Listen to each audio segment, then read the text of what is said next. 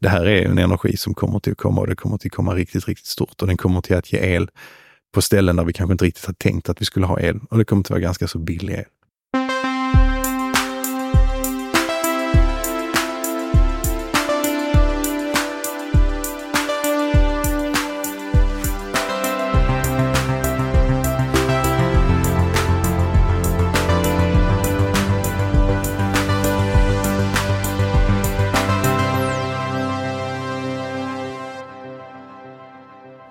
Då verkar det så att du lyssnar på ett nytt avsnitt av Heja Framtiden. Podden med mig, Christian von Essen. Sitter i studion på Roslagsgatan i Stockholm nu med Robert Vedmo. Välkommen hit.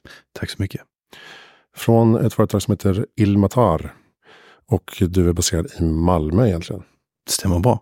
Fast vi har kontor i Stockholm också, så att jag är här med jämna mellanrum. Och eh, vi kan väl hoppa in i Ilmatar på en gång. Eh, finskt bolag? Från början. Från början. Eh, I Sverige har vi funnits i snart två år. Jag har varit med med Christian och Hanna och startat bolaget. Eh, från början som konsult, inhyrd. Eh, men när min dåvarande chef inte ville hyra ut mig 120 procent så fick jag ett erbjudande om att, att få följa med. Jag är chef för tillståndsgruppen. Så jag har ett gäng experter och vi jobbar bara med miljöjuridik och tillståndsprocessen enligt miljöbalken. Och nu kan vi då komma in på vad Ilmatar gör, vilket är sol och vindenergi. Och i Sverige framförallt sol. Va? Än så länge har vi bara jobbat med sol i Sverige. Mm. Det är inte så att vi inte någonsin kommer att jobba med vind.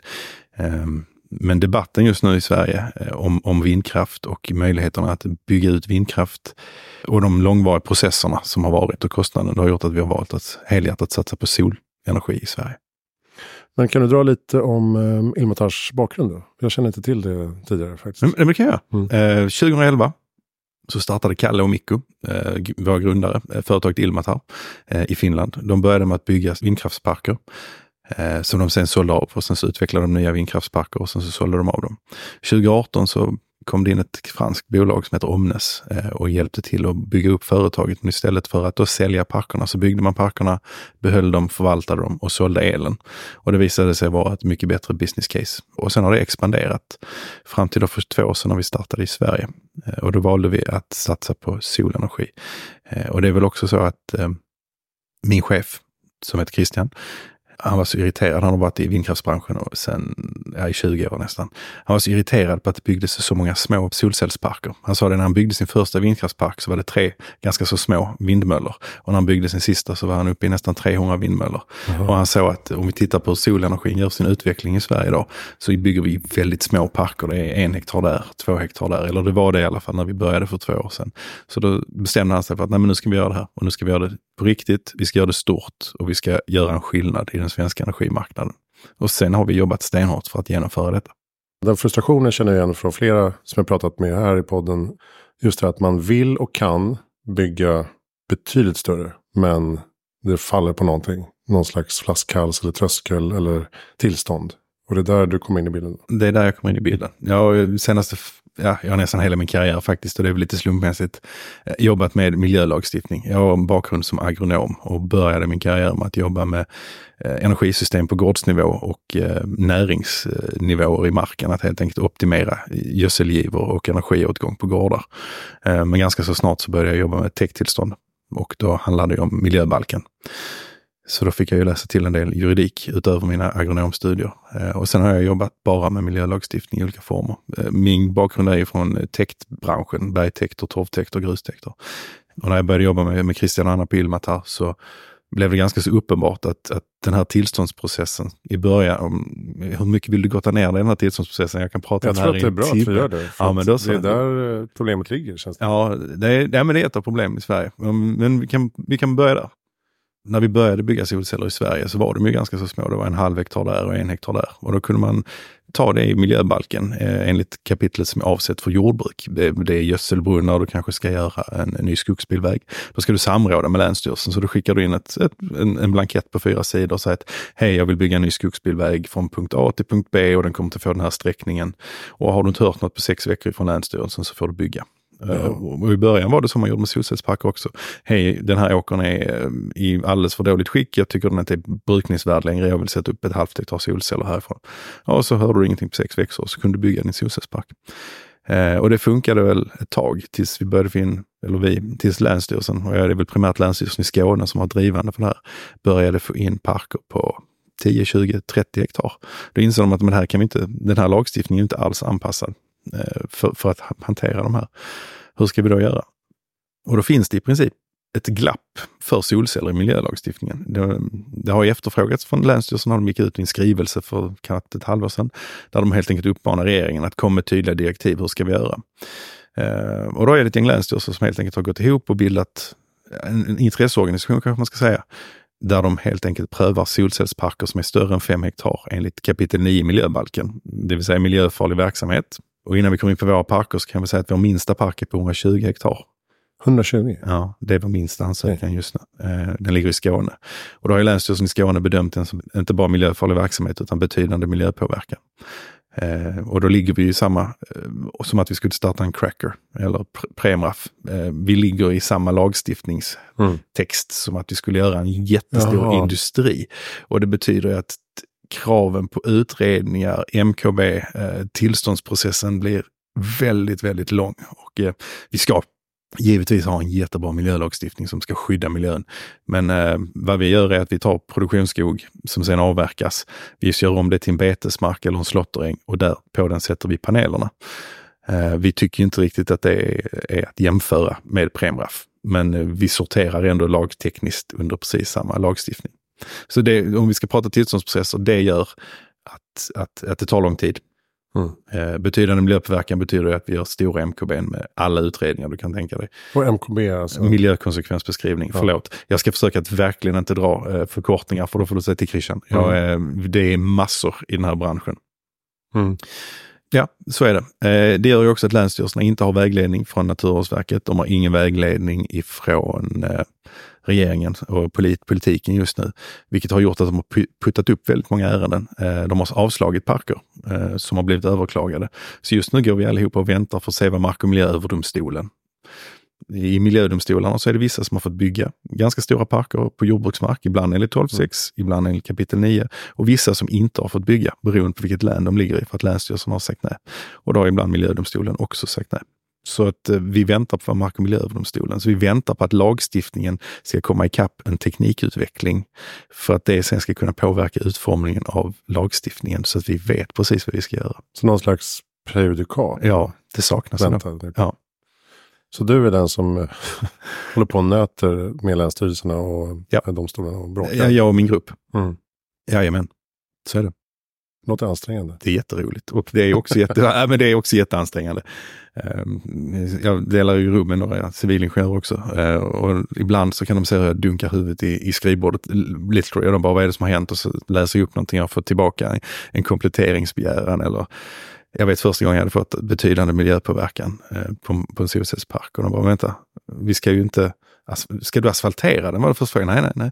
Men vad ska du förstöra den? Nej, vad är det de, först, de kunde inte förstå. Eh, och så sa hur orkar du jobba med det här? Sa han. Ja, nej, men det är ju det här, det är ju det här som formar, dels är det väl ett driv, eh, att vi vill förändra vi vill bygga solceller, vi vill ha in mer grön energi. Och det är ju också ett eget intresse. Jag har brunnit för miljön sedan barnsben, så jag tycker det är häftigt.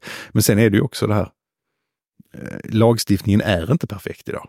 Och den, just miljölagstiftningen är ju skriven på ett sådant sätt att den ska ju utvecklas med teknikutvecklingen. Mm. Det är ju väldigt mycket best, eh, best available technology, eller BAT som det kallas då, alltså bäst tillgänglig teknik.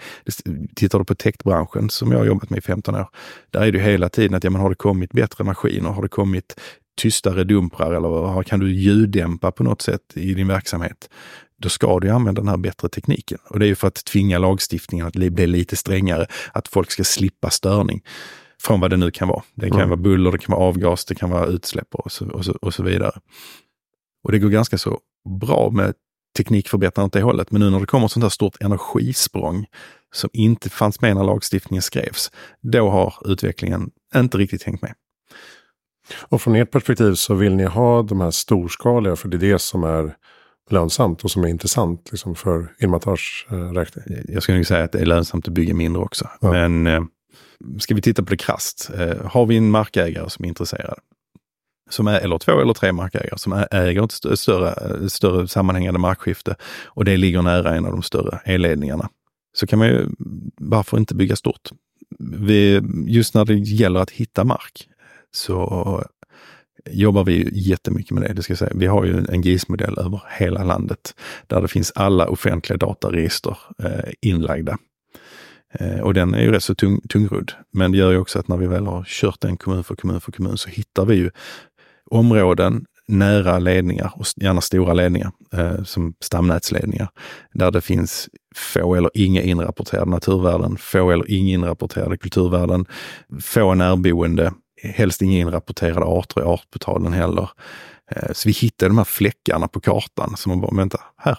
Och så kör man ju då det för att se, finns det några, några mm. markägare som är intresserade? Först då tar vi kontakt med markägarna och säger, hej, vi tittar närmare på din mark, skulle ni vara intresserade av ett fortsatt samarbete? Och hur ser den affärsmodellen ut då, från markägarens perspektiv? Ja, markägaren arrenderar ut marken till oss på 50 år. Det är okay. så den ser ut. Eh, sen har vi många olika markägare. Eh, vi har ju markägare som är lantbrukare idag, till exempel som har fårproduktion. De har en skog som efter... Vi ska också säga att många markägare har skogar som vid 2018 tog rätt mycket stryk av torkan och sen så har barkborren gjort det rätt så tufft. Att då sätta ny skog eh, eller att sätta solceller på samma plats, kan ju, då är ju vår kalkyl mer lönsam, skulle jag säga. Mm. Eller ja, det är den. Så med fårägaren till exempel, han kommer inte kunna nyttja marken för bete fastän vi har solceller på dem. Så han har ju en win-win. Det är nio meter mellan panelställen. Ja, nio meter? Nio meter. Så det finns gott om plats att beta på. Mm. Du kan till och med köra en mindre traktor eller en fyrhjuling om du vill det. Skulle man inte kunna komma runt eh, lagstiftningen genom att ansöka om eh, fem hektar plus fem hektar plus fem hektar, alltså olika mm. eh, tillstånd? Den skulle bli spännande att prova. Jag tror att när vi kom till domstolen skulle de säga att vi anser att det här är en och samma park. För det, någonstans ska vi koppla upp den till en och samma transformatorstation mm. och den transformatorn ska kopplas upp mot stamnätet eller en, en lokalledning. Så att jag tror att den skulle bli ganska så samprövad. Mm. Okay. Det, det, känns inte heller rättvist att göra på det sättet. Utan det är ju så här, vi ska bygga. Vi, vi ska bygga. Vi har parker just nu som ligger i pipelinen på över 500 hektar och kanske lite större då, som jag inte kan prata om riktigt än för det är allt väl inte påskrivet. Men det, mm. det är jättestora områden som vi vill eh, bygga solceller på. Men det jag ska säga då till vår fördel är att vi tar produktionsskog. Det har vi inte brist på i Sverige. Vi har ungefär 23 miljoner hektar produktionsskog. Så om vi plockar 500 hektar här, 500 hektar där och vi ställer om det till en annan sorts mark. Det blir ju en öppen betesmark eller en slåtteräng. Vilket är biotoper vi faktiskt börjar få brist på i landet idag. Om du tittar vad som saknas och var de röda, rödlistade arterna behöver mer utrymme så är det ju sådana. Vi, den parken i Skåne har vi tagit fram eh, speciella fröblandningar tillsammans med Skånefrö till exempel. För att vi ska kunna använda den som en slåtteräng. För att vi ska kunna gynna den biologiska mångfalden. Men sen sätter vi ju panelerna ovanpå detta. Och som en liten twist så vill inte vi heller stängsla in våra parker. Utan de vill vi ha kameraövervakade och lokalt bevakningsföretag. Utan vi vill ju att parken ska vara allemansrättsligt tillgänglig. Mm. Så ja, det blir en jättestor förändring. Det blir inte granskogen som stod där innan. Det blir ett annat område. Men du är välkommen att vandra i den. Att fåglar kan använda det, insekter kan använda det och småvilt kan använda det. Vi vet inte hur älgen kommer att reagera, men vi har en park på 350 hektar uppe i Värmland som vi håller på att utveckla nu. Och den markägaren är övertygad om att det kommer att gynna älgstammen. Men det kan inte jag svara på. Mm. Men eh, kan man äh, återställa till skogsmark efter 50 år till exempel? Ja. Mm. Vi har ju i alla våra avtal som vi tecknar en, en försäkring som säger att skulle vi gå i, i putten eller att någonting oförutsett skulle hända, då kan markägaren antingen välja att ta över parken och driften och då blir det ju en stor elproducent på en gång. Alternativt så kommer vi plocka ner parken eller försäkringsbolaget plocka ner parken. Det är inte så komplicerat. Alltså det är paneler som ska skruvas ner och det är stolpar som ska dras upp. Mm. Och sen efter det så har du ju då en, efter 50 år, en betes eller en åker eller en ängsmark. Och sen kan ju markägaren välja att göra vad markägaren vill med sin mark. Om den vill plantera ny skog så går det alldeles utmärkt. Vill den fortsätta bedriva någon sorts jordbruk eller betestryck eller vad det blir. Det. Så ni är hela tiden fokuserade på markbaserade ja. eh, solpaneler, inte på tak och sådär? Nej, det är alldeles för litet. Mm. Det är ju storskaligheten vi tjänar pengar på också. Mm. När vi bygger så här stort kan vi göra stora samlade ordrar. Vi kan handla upp en ordentlig arbetsfördelning. Vi kan få in en väldigt bra totalentreprenad som, som kan hjälpa oss att anlägga. Just det. Så ni är eh, inte alls inne på eh, konsumentmarknaden på något sätt? Nej, inte alls. Nej. Det är mm. storskalig elproduktion och eh, givetvis tecknar vi då eh, det som kallas för PPA som är alltså avtal direkt med ett företag. Att företag A eh, erbjuder sig att köpa vår gröna el till den här mängden för den här summan i så här många år. Och då måste vi se till att den mängden produceras. Så, så det, det gör vi, men vi går inte direkt till privat. Det låter ju som en variant av det här agrivoltaiska system som vi varit inne på tidigare med där man kan faktiskt odla grödor under ja. uh, i skuggan av och ja. sådär. Skillnaden är ju här att vi inte i Sverige, att i Sverige, vi väntar fortfarande på dom ifrån MÖD, men som det ser ut just nu så får vi inte tillstånd till att bygga på jordbruksmark. Så då får vi ju helt enkelt ta skogsmark och göra om Jaha, den till... Nej, domarna säger att eh, vi ska inte bygga, jordbruksmarken är, i, i stort skyddsvärd. Det är några få eh, parker som har fått tillstånd på, på jordbruksmark. Och då har det varit väldigt lågklassad jordbruksmark. Men om du tittar på större ansökningar och de domar som har kommit där så har det blivit nej. Då är matproduktion premierat över energiproduktion. Men om vi då gör tvärtom, alltså skogen är ju en form av solfångare som vi, beroende på var vi landet är, vart 70 år i södra Sverige eller vart 120 år i norra Sverige. Då kan vi plocka ut den, den, den infångade solen och sen kan vi göra, dra nytta av den. I våra parker kan vi så fort solen kliver över horisonten börja dra nytta av samma mark. Så tekniken är ju en annan men konceptet är samma uråldre. Mm. Vi, vi lagrar in solenergi och den kan vi göra någonting med.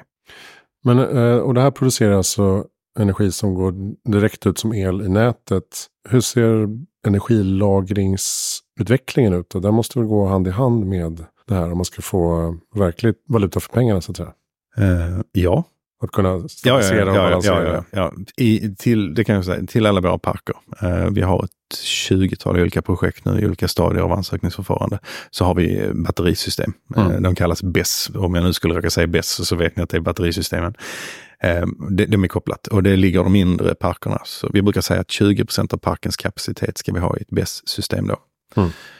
Och det gör ju att vi kan förskjuta eh, när vi säljer vi kan förskjuta dygnskurvan eh, och vi kan ju köpa på natten. Så i praktiken vad vi gör är att är elen billig på natten och vi inte producerar, då kan vi lagra el i våra batteri. När vi kommer upp på morgonen och sätter på kaffekokaren eller te eller vad man nu är sugen på på morgonen. Man tar sin morgondusch. Då sticker elpriset iväg. Då säljer vi elen vi har i batterierna. Men är det så att solen är uppe så, och det är på sommarhalvåret, då är det ju smidigt. Då kan vi sälja direkt till det höga priset. Ser vi att vi får en dipp mitt på dagen och de här prognoserna vet vi ju ett dygn i förväg. Mm. Ja, då får vi helt enkelt lagra så mycket vi kan i, i, i våra batterisystem när elpriset är lågt för att sen på kvällen när folk ska komma hem, laga middag, ta kvällsduschen efter träningen eller vad det kan vara. Då brukar elpriset sticka uppåt igen så släpper vi löst energin i batterier. Mm. Så på ett dygnsbasis är det ganska så kan vi idag eh, ganska så enkelt balansera elsystemet och vi kan hjälpa till att stötta elsystemet rent generellt. Eh, men det kommer ju jättemycket spännande eh, batteri, inte bara batterilösningar utan lagringslösningar. Vi pratar ju om pumpkraftslager. Det är ju i norra Skåne har de ett projekt nu där de tittar på att de ska pumpa mellan ett, en gammal täkt och en sjö. Så när elpriset är lågt och eventuellt, jag har inte sett att det är solceller kopplade till den, men det handlar det bara om att elpriset är lågt, då pumpar vi upp vattnet. När elpriset är högt, då släpper vi tillbaka vattnet ut i mm. systemet. De, de varianterna kommer vi också till att se. Eh, och sen har vi ju vätgasen som ligger i startgroparna. Eh, jag är inte så säker på att, ja, det beror också givetvis, det är en prisfråga. Mm. Eh, spjälka vätgas för att sen bränna vätgas tillbaka till el ser jag just nu inte en jättebra kalkyl i. Men att göra vätgas, göra om den till ammonium till exempel och köra båtar på den, alternativt tung trafik som lastbilar, där har du en fantastisk energibärare. Eller varför inte direkt i industrin? Eh, det är ju lite populärt nu med att göra grönt stål i norra Sverige. Till eh, jordbruksmaskiner också? Säkerligen. Det blir ju någon, det blir någon form av e-bränsle. Men mm vi är i lindan där. Jag kan sitta här och killgissa var vi är om tio år. Eh, hur bra det är det vi gör. Ja, eh, och jag om tio år, alltså, jag tror ju på vät, vätgasen eller någon form av e-bränsle helt enkelt eh, till, till de tunga transporterna. Eh, sen är väl frågan om vi går ifrån batterierna till bilarna, för där har det ju också hänt så ofantligt mycket. Men det är vissa, vissa, vissa segment som är svåra att, att, att köra på batteri, som det ser ut just nu. Mm. Det blir för stora och för tunga batterier som behöver laddas för ofta och för kraftigt. Men tänk dig att ha en lantbrukare som har en egen spjälkningsanläggning och gör sitt eget e- e-bränsle. Ja visst, det är möjligt att eh, traktorn drar mer metanol än etanol. Men å andra sidan, om du kan producera den hemma på gården till ett hyggligt pris så gör det kanske inte att du får ta en extra vända hem och tanka. Eller att du får ha med dig en annan sorts här är vi ju, det, det, viktiga just nu är ju att vi är i ett läge där vi behöver mer energi. Vi ska till 2035 dubbla energibehovet i Sverige, elbehovet enligt Energiinspektionen. Det är klart som sjutton vi behöver alla former av, av, el vi kan få. Vi behöver vätgas, eller vi behöver solkraft, vi behöver vindkraft, vi behöver kärnkraft och vi behöver vattenkraften. Mm. Det viktiga för mig, eh, och jag tror för Ilmatar också, det är ju att vi ska trycka bort de fossila. Vi ska ju producera så mycket grön energi i Sverige att det är ganska tråkigt att vara gruvarbetare i Tyskland om man bryter brunkol. Bara det att de har öppnat en ny brunkolsgruva i, i, i Tyskland igen som har varit stängd för att de stänger kärnkraften. Ja, I min värld så behöver vi alla gröna kraftslag och de måste liksom interagera med varandra. Mm. Det kan jag säga att jag möter väldigt ofta. Eh, ja men solkraft det funkar dåligt på vintern. Mm, det gör det. Men vi ska ju inte bara leva på solkraft. Du får bara äta bröd, för du tycker om bröd. Ja, då kommer jag att bli sjuk. Ja, ja men du gillar ju bröd. Ja, men det blir en sån infantil debatt som kan göra mig irriterad. Mm. Nej, vi behöver hela kostcirkeln. Vi behöver vind, vi behöver kärnkraft, vi behöver vatten och vi behöver sol. Och hur, hur stor tror potentialen är i Sverige då? Jag vet att Svensk Solenergi pratar om, vad sa de, uppe på 10 procent i framtiden. Ja. Eller mer kommer inte ihåg riktigt.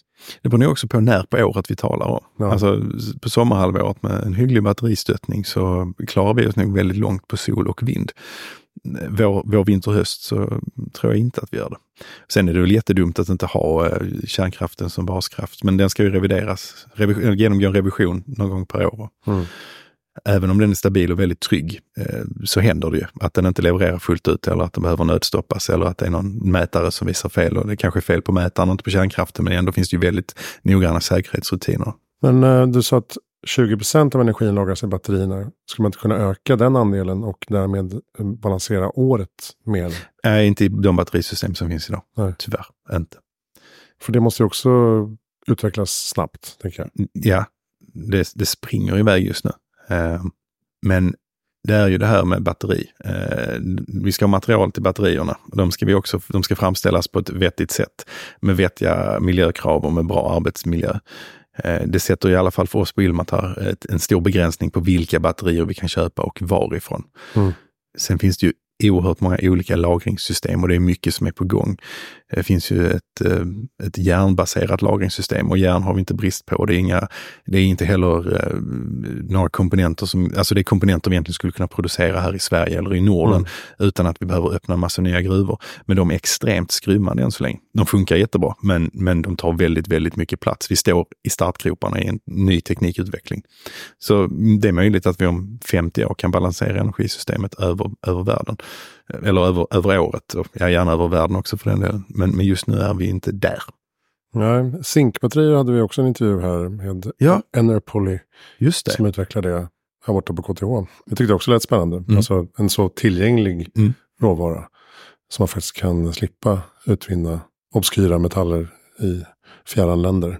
Ja, Sen har vi många av de metallerna i Sverige idag också. Det är oftast jordartsmetaller det handlar mm. om. Och där har vi en helt annan debatt om hur vi ska tillverka dem, var de ska tillverkas och om vi överhuvudtaget ska ta upp dem i, i Sverige. Det är spännande att följa. Men där har vi, det är politik. Det är ju inget vi ägnar oss åt. Men, mm. men, men var vi hamnar, ja det kanske blir de stora, lite större, lite mer skrymmande lösningarna. Men med metaller då och material som är mer lättillgängliga. Men kan själva solpanelerna produceras på ett hållbart sätt? Panelerna i sig är ju inte så komplicerade. Mm. Det, är ganska, det är ju gammal teknik, det är välkänd teknik. Ehm, så de kan, de kan produceras på ett hållbart sätt, ja. Ehm, men återigen, det handlar ju om varifrån du köper dem. Vilken process. Det, det, är också, vi har ju en hel grupp som sitter i Finland och bara hjälper till med upphandling för att det ska, ska följa väldigt strikta regler eh, om hur vi får köpa, var vi köper och vilka vi får köpa. Men det tillverkas ju solpaneler i Tyskland. De är ganska så stora på det. Det tillverkas solpaneler i USA som också är väldigt fina. Eh, många produkter tillverkas av amerikanska bolag i Mexiko. Det är väl något, men också med schyssta arbetsförhållanden. Sen finns det ju givetvis i Kina också bra solpaneler och bra producenter och sen finns det ju mindre bra producenter och det gäller ju att man sållar undan dem. Att man, att man, man måste veta vad man köper för att köpa bra mm. produkter. Det ställer väldigt, väldigt mycket krav på oss som bolag att vi ska välja vad vi köper i. Hej, det var Christian här. Dags för ett litet reklamavbrott. I tuffa tider är det vanligt att företag skiftar sin marknadsbudget från eh, varumärkesbyggande till mer konkreta säljåtgärder. Man vill ha leads helt enkelt. Samtidigt vet man ju att i uppförsbacke man kan gasa för att skaffa sig försprång och bygga synlighet och förtroende för sin målgrupp och marknad. Jag tror inte att det ena behöver utesluta det andra egentligen. Eh, därför jobbar jag nu med att eh, kroka arm med eh, business-to-business-bolag som vill både bygga varumärke och generera relevanta leads till sin affär. Det kan man göra genom att sponsra hela poddavsnitt med en av era experter. Så kan, man, så kan man bygga vidare med sponsrade segment i andra avsnitt. Man kan använda mig som copywriter och bollplank för bloggtexter, white papers, kundcase och så vidare. Och så kryddar vi med poster, sociala medier och eh, närvaro i nyhetsbrevet. När vi kommit så långt så har vi ju ett redan tätt samarbete och då kan vi titta vidare på om det finns behov av omvärldsbevakning, internpoddar, föreläsningar eller andra sätt att utveckla lärandet i organisationen. Om du sitter med planer för detta och kliar i huvudet så är det bara att ta kontakt så tar vi en kaffe och eh, diskuterar lite hur ett sådant upplägg skulle kunna se ut. Eh, jag ser det här som en fantastisk plattform som jag byggt upp med eh, beslutsfattare som är framåtlutade och nyfikna på framtiden. Och jag tror att eh, det är en sån kontext man vill vara om man vill skapa förtroende för sin målgrupp. Hur som helst, hör av dig på DM eller mail så tar vi en kaffe. Christian von Essen gmail.com. Nu tillbaka till programmet. Hur ser eh, er expansion ut då? Eh, jag menar, ni måste ju hela tiden eh, dansa med lagstiftningen då. Ja. För att veta vad som händer. Ja, det gör vi. fem åren. Vi tror ju att vi kommer till att, ja vad ska jag säga, om vi startar tio nya ansökningsprocesser om året så ligger jag nog i underkant. Det går ju att söka tillstånd idag. Vi får göra det enligt kapitel 9 som miljöfarlig verksamhet. Och så länge vi accepterar de spelreglerna så finns det egentligen ingenting som hindrar oss från att söka tillstånd. Sen kan, kan vi tycka att det hade varit väldigt mycket smidigare om vi hade ett eget kapitel eller ett underkapitel i kapitel 9 där vi inte behövde riktigt gå hela samma eh, tuffa väg, för den tar lång tid. Jag skulle gärna se fortbildning på många av de handläggare. Alltså, vi har väldigt mycket duktiga handläggare i Sverige ute på länsstyrelserna. Men utan vägledning eh, så sitter det ändå enskilda personer som som får fatta rätt så tuffa beslut och som sitter också och väntar på domarna från miljödomstolen och mark och miljööverdomstolen. Vad kommer de till sig? Hur ska vi titta på det här ärendet? Hur ska vi tolka här, den här lagstiftningen? Så det hade ju varit väldigt, väldigt bra med en, en, en bättre en bättre vägledning mm. från politiken. var skulle den komma ifrån överst då, så att säga?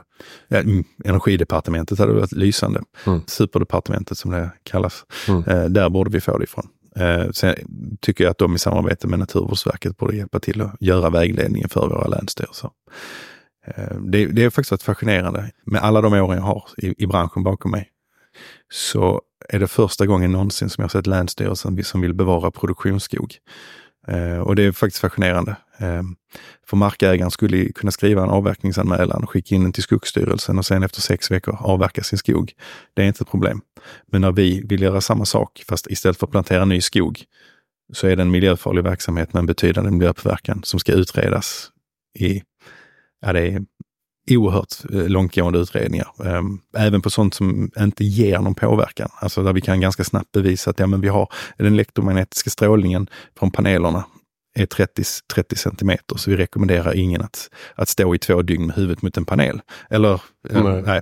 Men, men det måste ändå liksom tröskas igenom och vi måste ta upp den till en konsultfirma. För, för vi, man, kan, man litar inte på oss som ansöker, för vi kan ju ljuga. Så vi måste ju ta en extern expert som kan intyga att det här stämmer med verkligheten grundvattenpåverkan. Eh, men vi ska inte vara i grundvattnet, säger vi. Nej, men det kanske förändras flödesinriktningar när det inte står träd och när det står paneler istället. Och mm. när vi då argumenterar för att, jo men om vi hugger ner, alltså även om markägaren då skulle hugga ner alla träden, då skulle det inte stå träd. Det skulle faktiskt ta ganska lång tid innan det kommer upp träd som överhuvudtaget påverkar grundvattenbildningen igen.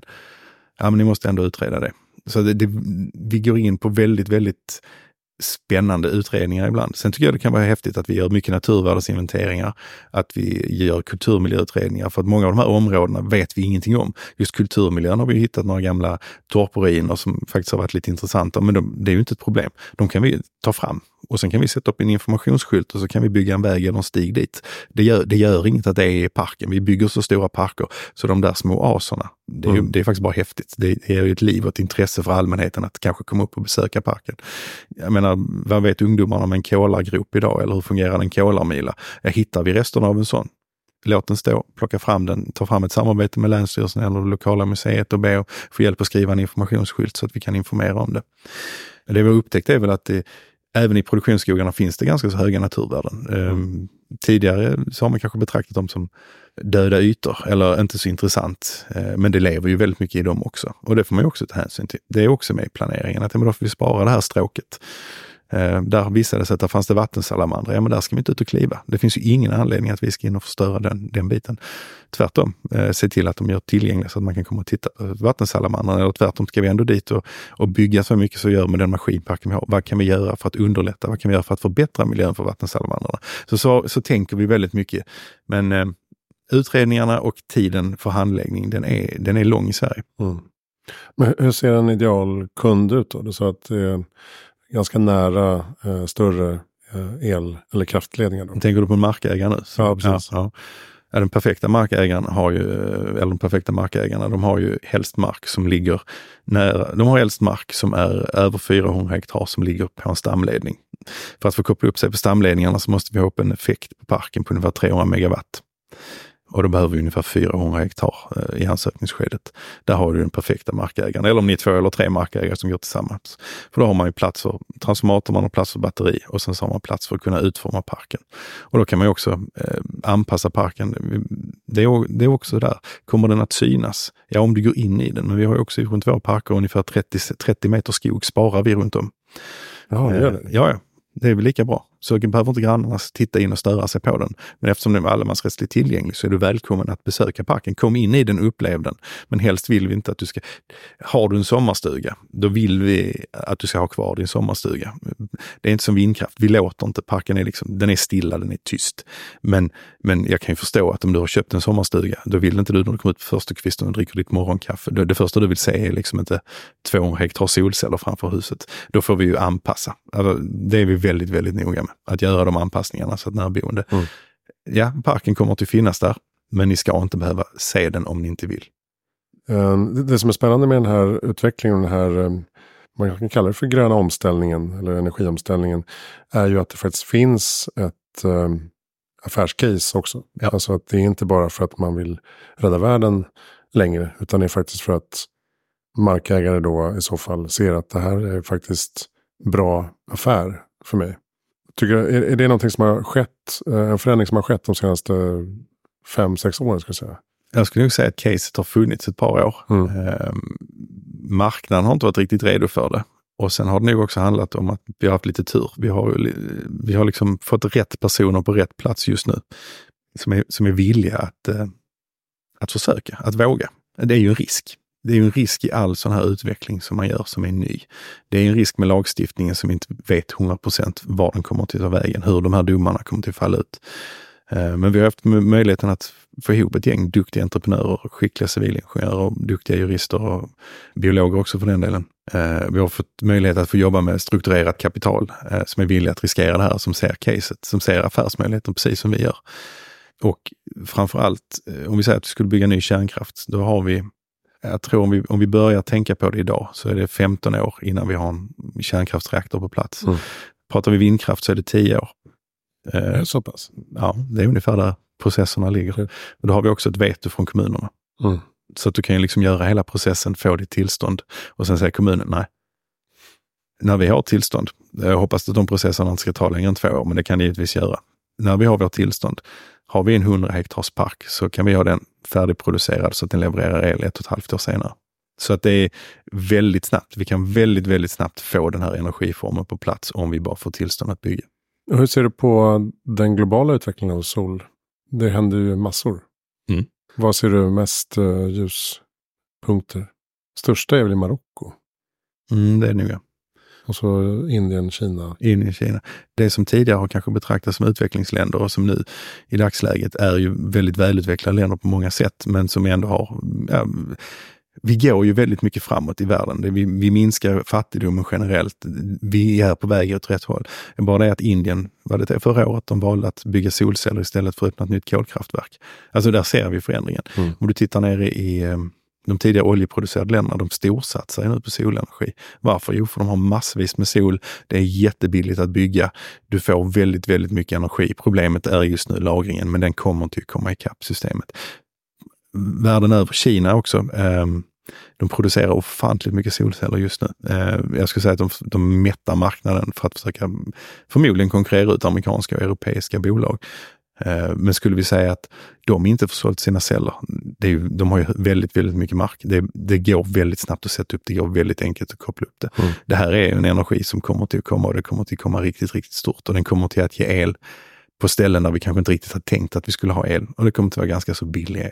Jag tycker jag får en känsla nu senare tid för att uh, den här um, energikrisen inom stationstecken som vi är inne i nu eh, när vi väl kommer ut på andra sidan så kommer vi ha motsatt situation. Att det finns väldigt mycket billig grön energi plötsligt. Mm. Jag håller med dig till att vi kommer ta väldigt mycket grön energi. Ehm, jag tror att vi i Sverige har haft väldigt mycket billig energi i form av kärnkraften som är avskriven för länge sedan och vattenkraften som vi faktiskt byggde för väldigt, väldigt många år sedan. Som vi sedan har underhållit. Vi kommer nog i Sverige att ha något dyrare, vi kommer inte ha den elpriset vi har i dagsläget. Jag tror inte vi kommer att se de höga elpriserna vi hade förra året igen. Men ur ett europeiskt perspektiv kommer de att uppleva det som att de får väldigt mycket billig grön energi. Vi i Sverige tror jag inte påverkas på samma sätt. Vi har ju haft högre elpriser traditionellt skulle jag säga nere i Europa som har lite andra produktionsformer än vi har haft i Sverige. Det har ju varit en av våra stora konkurrensfördelar. Den gröna, trygga energin. Och nu börjar vi lite vackla, men den kommer att komma tillbaka och nu kommer vi till att exportera den. Jag menar, vi väntar i Skåne nu, Hansa Bridge, den är ju färdigutredd och väntar på att regeringen ska godkänna den kabeln. Det är 800 megawatt till som ska kopplas till mot Tyskland. Den energin har vi inte producerat i Sverige idag, det måste vi producera. Ju mer kablar vi bygger, Norge byggde ju precis mot Storbritannien. Den energin kommer ju inte bara ifrån Norge, den kommer vi att behöva producera i Sverige och Finland också. Så ja, vi kommer till att ha massvis med grön energi och vi kommer till att behöva det. Det viktiga är att den är fossilfri, att vi, vi, vi visar att nu vänder vi skutan. Det är så jag tänker, det är så jag fungerar. Jag är väl rätt så positivt inställd överlag. Jag fick frågan av en, en annan reporter i förra veckan. Ja, men hur ser du på framtiden? Eh, ja, men jag ser ofantligt ljus på framtiden. Det, det, det, vi står ju just nu i skiftet ifrån det som vi inte vill ha och vi skapar framtiden tillsammans dit vi ska, det vi vill. Alltså, Tänk vad häftigt för, för var, att leva nu och vara med i det. Inte bara för att jag jobbar i branschen, utan det spelar ingen roll var du jobbar. Du står här nu. Om tio år så kommer inte du till, när du, om, om du ska åka och köpa en bil eller om ens äger bilar, vi kanske samäger på något sätt. Vi får se, det finns ju många visioner. Men du kommer ju ha väldigt få förbränningsmotorer. Mm. Jag tänker att eh, när jag en dag får barnbarn, om jag får barnbarn, eh, då kommer det typ vara spännande att gå och titta på en Volvo 240. Ja. Wow, förbränningsmotor. Lät det så här mycket morfar, farfar? Mm. Uh, satt man, alltså körde man själv? Ja, det gjorde man. På den ratten. Oh, alltså förstår du? Mm. Det, det, jag brukar titta tillbaka för när jag var liten. Uh, då satt mamma under fläkten och, och rökte gul Blend och man pratade om försurade skogar och de höga skorstenarna i Östtyskland. Nu röker inte min mamma sedan många, många år tillbaka. Eh, vi har inte längre någon blyad bensin och försurningen i skogen är eh, någonting som vi idag knappt märker av. Vi har viss, fortfarande viss, viss, vissa kalkningsprojekt och så vidare. Men, men på de 30 åren, vad vi gick ifrån det utgångsläget, var vi är idag. Fatta var vi är om 30 år. Mm. Då kommer de inte titta på oss. Hur kunde de leva i den smutsiga miljön som de hade då? Hur klarade de sig? Ja, det gick. Så jag är väldigt positiv. Nej, vi kommer att behöva mycket grön energi. Vi kommer att ha mycket grön energi. Och det kommer också hjälpa till att driva på annan innovation i, i, i hela världen tror jag. Eh, jag tycker det är spännande. Nu ska jag inte breda ut mig för mycket, men, men hur många timmar jobbar vi om 30 år? Mm. Vad behöver vi göra? Hur mycket är automatiserat? Sådana saker är ju ofantligt spännande. Mm. Om man är ung då, student och intresserar sig för den här eh, marknaden och branschen? Vad tycker du att man ska ge sig in i för utbildnings... Nu kommer jag att vara jättetråkig. Jag ska säga det du är intresserad av. Mm. Um, och jag, jag, ska förklara, jag, ska, jag ska förklara hur jag tänker. Att om du läser någonting som du har ett stort intresse för, då är det ofta ganska lätt att lära sig. Eh, ännu bättre är det om det är ett område som inte jättemånga kan. För att då kommer du ganska snart, redan kort efter att gå ut från skolan och gjort dina första trevande uppdrag, att också helt plötsligt vara lite av en auktoritet inom det här området. Eh, för det är så få personer som faktiskt är duktiga inom det. Eh, och då kan du ta, börja ta rätt så bra betalt för dina timmar. Så om du är expert på fåglar, ja vi gör fågelinventeringar i alla våra parker. Jag tror nog att vi kan ha en eller två ornitologer, i princip heltidsanställda de närmsta fem åren, som bara jobbar med våra projekt. Är du duktig på skalbaggar, ja men jobba då med skalbaggar. Är, är det juridik du brinner för, ja spesa in dig på miljöjuridiken för 17 år på fastighetsrätt. Där kommer det vara jättemycket spännande att göra. Är, du, är det teknik och matte och programmering? Ja, men då så, civilingenjör eller något liknande. Det, det viktiga är nog inte egentligen vad du det är viktigt att ha en grundstum att stå på, att du har en väldigt bra bredd. Men, men vad du än läser idag så kommer tekniken till att ha sprungit iväg. Jag trodde inte för 20 år sedan att jag skulle få jobba med storskalig solenergi. Det fanns inte på kartan. Och, och, det jag tänker att studenterna läser idag, det, det, måste vara basen som de står på. De ska ha en trygg och bra grund, vad de sen vill jobba med. Eller vad de kommer att jobba med. De kommer att behöva lära sig hela, hela, hela sin, sitt yrkesliv. Det får man ju räkna med som student idag. Så gör något som du tycker är kul, för annars blir det jättebesvärligt. Ja, man skulle kunna översätta det där resonemanget till om man vill in i AI också till exempel. Ja, ja. Har en juridikbakgrund, jättespännande. Jobbar med musik och upphovsrätt, superintressant. Jobbar med djur, fåglar, mm. eh, maskininlärning. Alltså, allt går ju att eh, applicera på den nya tekniken. Ja, ja. Det är svårare tvärtom kanske. Jag tror det också. Jag tror det också. Du måste så skaffa dig en grund och gör det som är roligt och gärna något som är lite, lite utanför boxen så det är lite svårt så inte alla gör det. Ja, mm. precis. En spännande kombination. Ja, det tror jag är framtiden. Som du med eh, agronom och eh, juridik ja. Kopplat ihop. Ja. Blir något nytt? Det blir, ja, ja, det blir ju det. För att eh, även lantbrukare idag kan ju ringa och svära. Jag har en svåger som har en gård och han kan ju ringa och svära över varför ska jag behöva kunna all den här juridiken? Mm. Det behöver du inte. Det kan, så, men alltså, nej, men i praktiken, alltså jag ägnar ju väldigt mycket tid åt skattesatser, eh, juridiska frågor, när får jag tömma min gödselbrunn? Som, som blir, det riskerar ju att bli ett miljöbrott om han gör det vid fel tillfällen. Det är, mm. Du ska ha kunna väldigt, väldigt mycket även som lantbrukare idag. Jag brukar fråga, vad är ditt bästa tips för att göra världen bättre i framtiden? Jag är ju ganska tråkig, jag är ju uppväxt med den här Agenda 21, men det är ju lite det. Eh, det är väldigt få människor som, som kan göra en omvälvning av hela världen. Det finns några stycken som kommer att göra det och kanske är det nog de som lyssnar nu och det är häftigt, gör du det. Eh, men annars så börja gräva där du står. Du kan göra dina, du kan göra din skillnad i din vardag. Och du ska, det ska också vara, det är som en diet. Alltså om du, om du bestämmer dig för att äta LCHF och upptäcker att du tycker om öl så kommer det att vara en jättebesvärlig diet att hålla i längden.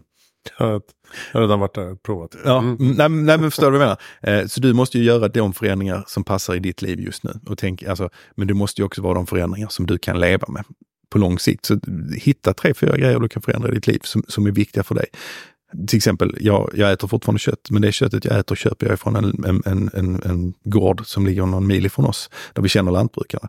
Så, jag, så jag, det, det är direkt, det slakt på, slakteri på gården, ja köttet är ganska så dyrt, det gör att jag äter mindre kött, vilket ju är ganska så hälsosamt.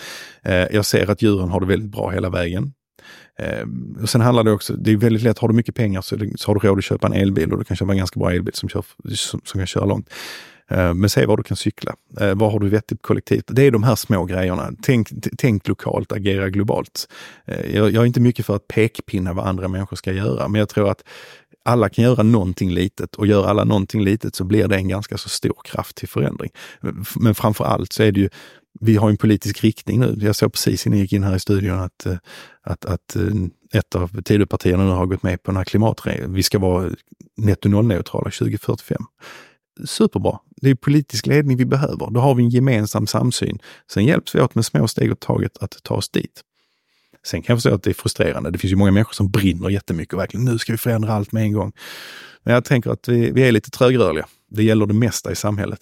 Det, det som jag har med mig som är medelålders idag och, och min uppväxt och se på könsroller, se på jag har alltid kämpat för att vara jämställd. Min svärmor sa till mig, ni är så duktiga, ni kämpar verkligen, men ni har en bit kvar. Och så börjar man analysera sig själv och sitt förhållande. Så bara, ja, men vad kan vi förändra, vad kan vi göra?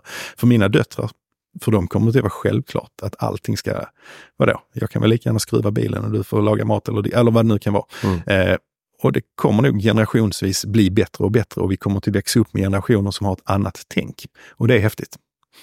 Ja, men som du säger, det är lätt att tro att det går för långsamt allting. Mm. Och så, men om man zoomar ut och ser på hur otroligt mycket som har hänt på ganska kort tid så är det inte så riktigt. Nej. Alltså det, visst, systemen är trö, trögrörliga, samhället är trögrörligt, men om man slår ut det på 30 år så är det ju rafflande ja, ja. skillnader. Ja, ja, det är otroligt många avseenden. Det är, verkligen. Jag minns du när man rökte på krogen? Ja, gud. Mm. Saknar du? Nej. Nej. Nej. Men kommer du ihåg, kommer du ihåg skiftet? Ja, ja, ingen trodde att det skulle funka. Nej, och det var skriverier i, i, i tidningarna om att det här kommer inte att gå och det var protester och det var krogpersonalen fick inte... Alltså det, var, det är en väldigt liten sak att folk inte ska röka på krogen om du tänker på det stora hela. Idag är det liksom en icke-fråga. Men alla sådana här små, små, små delar, det för oss framåt. Men vi glömmer titta på det, vi glömmer segern. Och för de som började gå ut på krogen för två år sedan, vadå, har man fått röka inomhus? Är folk dumma i huvudet? Ja, om du kom in här och, och tände en cigg Ja. skulle jag tro att du var sjuk i huvudet. Ja, ja men det är ju så. Ja. Ja. Men för 20 år sedan, Ja, då skulle vi röka överallt hela tiden. ja, ja, ja, Eller 30 år ja, sedan. 30 år sedan i alla fall. Ja, Men för 20 år sedan så skulle man ju fortfarande, är det okej om jag rök här inne? Och de flesta, ja jag kör. Mm. Står en askkopp där. Så att det händer mycket, men vi ser det inte för vi glömmer lyfta blicken. Mm. Precis. Um, har du några bra lästips eller poddtips? Jag har massor, hur många vill du ha? jag tycker att man ska... Tre. Tre, du får tre. Då tycker jag att man ska lyssna på Sinnessjukt. Eh, Det är en podd om psykisk hälsa och ohälsa. Eh, Jättelångt ifrån det jag jobbar med och vad jag egentligen är superintresserad av. Just därför. Är det han Christian Ja. Dahlström? Just det, Jarl Sahlström. Jätte, Mm. jätte. Han satt faktiskt här på gatan förut och poddade. Jaha, Det fanns en studio här som jag också hyrde in mig okej, okej.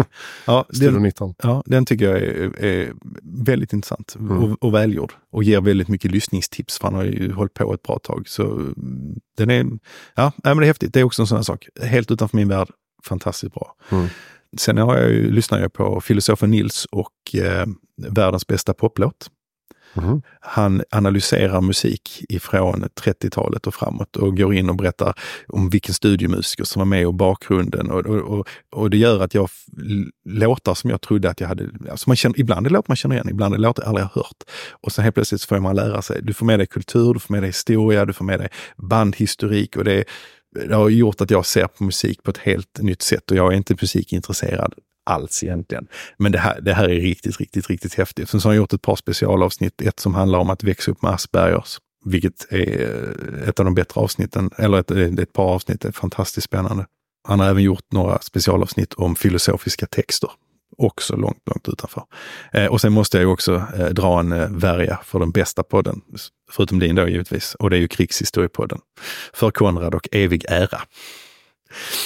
Också väldigt långt utanför mitt perspektiv, men eh, har lärt mig väldigt, väldigt mycket och gjort att, man fått ett, att jag har fått ett historieintresse och även min dotter. Eh, vi var i London för något år sedan och vi går på Churchill-museet och det var det ingen som skulle kunna tro att vi skulle göra. Alla bara, har ni shoppat mycket? Nej, vi kollade på på Churchill-museet, på slottet och ja. Så att det finns mycket att lära. Eh, Det är, visst, det är jättehäftigt att, att titta och lyssna i sin egen lilla ankdamm där man är och man känner folk och det är jätteroligt att, att åh vad häftigt vad du var med i den podden eller du gjorde det här. Och, men, men just det här att bredda upp dig. Mm. Livet är jobb, men livet måste också vara mer än jobb. Ja, men du får in nya perspektiv och referenser som du kan använda. Ja. Omedvetet kanske. Omedvetet. Ja. Mm. Ja, vad spännande. Bra tips. Uh, Krigshistoriepodden fick också tips från förra veckan bara om någon uh, Ja. bekant. Ja, står, står man ut med lite näsfniss eh, och eh, lite långa hälsningar till deras Patreon i början av varje avsnitt, sen blir det guld. När man väl Ja, det låter som det. många poddar. Ja. Här gillar vi att köra rak, raka rör. Ja, det är skönt. Eh, vem tycker att jag ska intervjua? Jag tycker faktiskt vi ska ta hit filosofen Nils, Nils Karlsson. Eh, Han kallar sig filosofen Nils. Ja. Ja. det är bra namn. ja, han är ju filosof. Ja, ja, visst. Eh, han har en väldigt spännande livshistoria och han har väldigt spännande tankar om framtiden och var vi är på väg. Så det skulle jag rekommendera. En speciell herre, trevlig. Och Var han, kan han finnas då? han finns i Malmö. Ja. Jag, kan få hans telefon. jag har inte hans telefonnummer, men jag kan, jag kan förmedla kontakten. Vi har gemensamma bekanta. Ja. Bra. Jag får väl eh, ta en tripp till Malmö så småningom. Då kan du passa på att hälsa på på vårt huvudkontor också. Ja, eller hur? Ja. Du, eh, tack snälla Robert eh, Vedmo för att du kom till eh, Heja Framtiden. Tack så mycket för att du fick komma hit. Och eh, ilmatarsolar.se är den svenska soladressen och eh, ilmatar.fi där är den finska verksamheten med vind och sol och energilagring och Ja. allt vad håller på med. Så är det. Häftigt. Vi eh, lär höra mer om eh, Ilmatar framöver och hoppas att eh, de här knutarna löses upp så småningom om du bråkar tillräckligt mycket med Han- lagstiftningen. Det är klart de gör. Och man får vara vänlig. Man kan vara besvärlig, men så länge man är det med ett leende och är artig så brukar det lösa sig. Vi vill ju alla åt samma håll. Vi ska ju till en grön framtid. Ja. Och då får vi hjälpas åt. Verkligen. Vi vill alla mot en grön framtid eh, och hejaframtiden.se där hittar du alla tidigare intervjupersoner, närmare 500 vid det här laget. Uh, nyhetsbrevet hittar du på Substack. Det summerar uh, verksamheten någon månaden eller två. Heja Framtiden förlag kommer ut med två nya böcker. Missa inte det. Och så lite annat smått och gott. Eh, jag heter Christian von Essen och eh, tack snälla för att du lyssnar.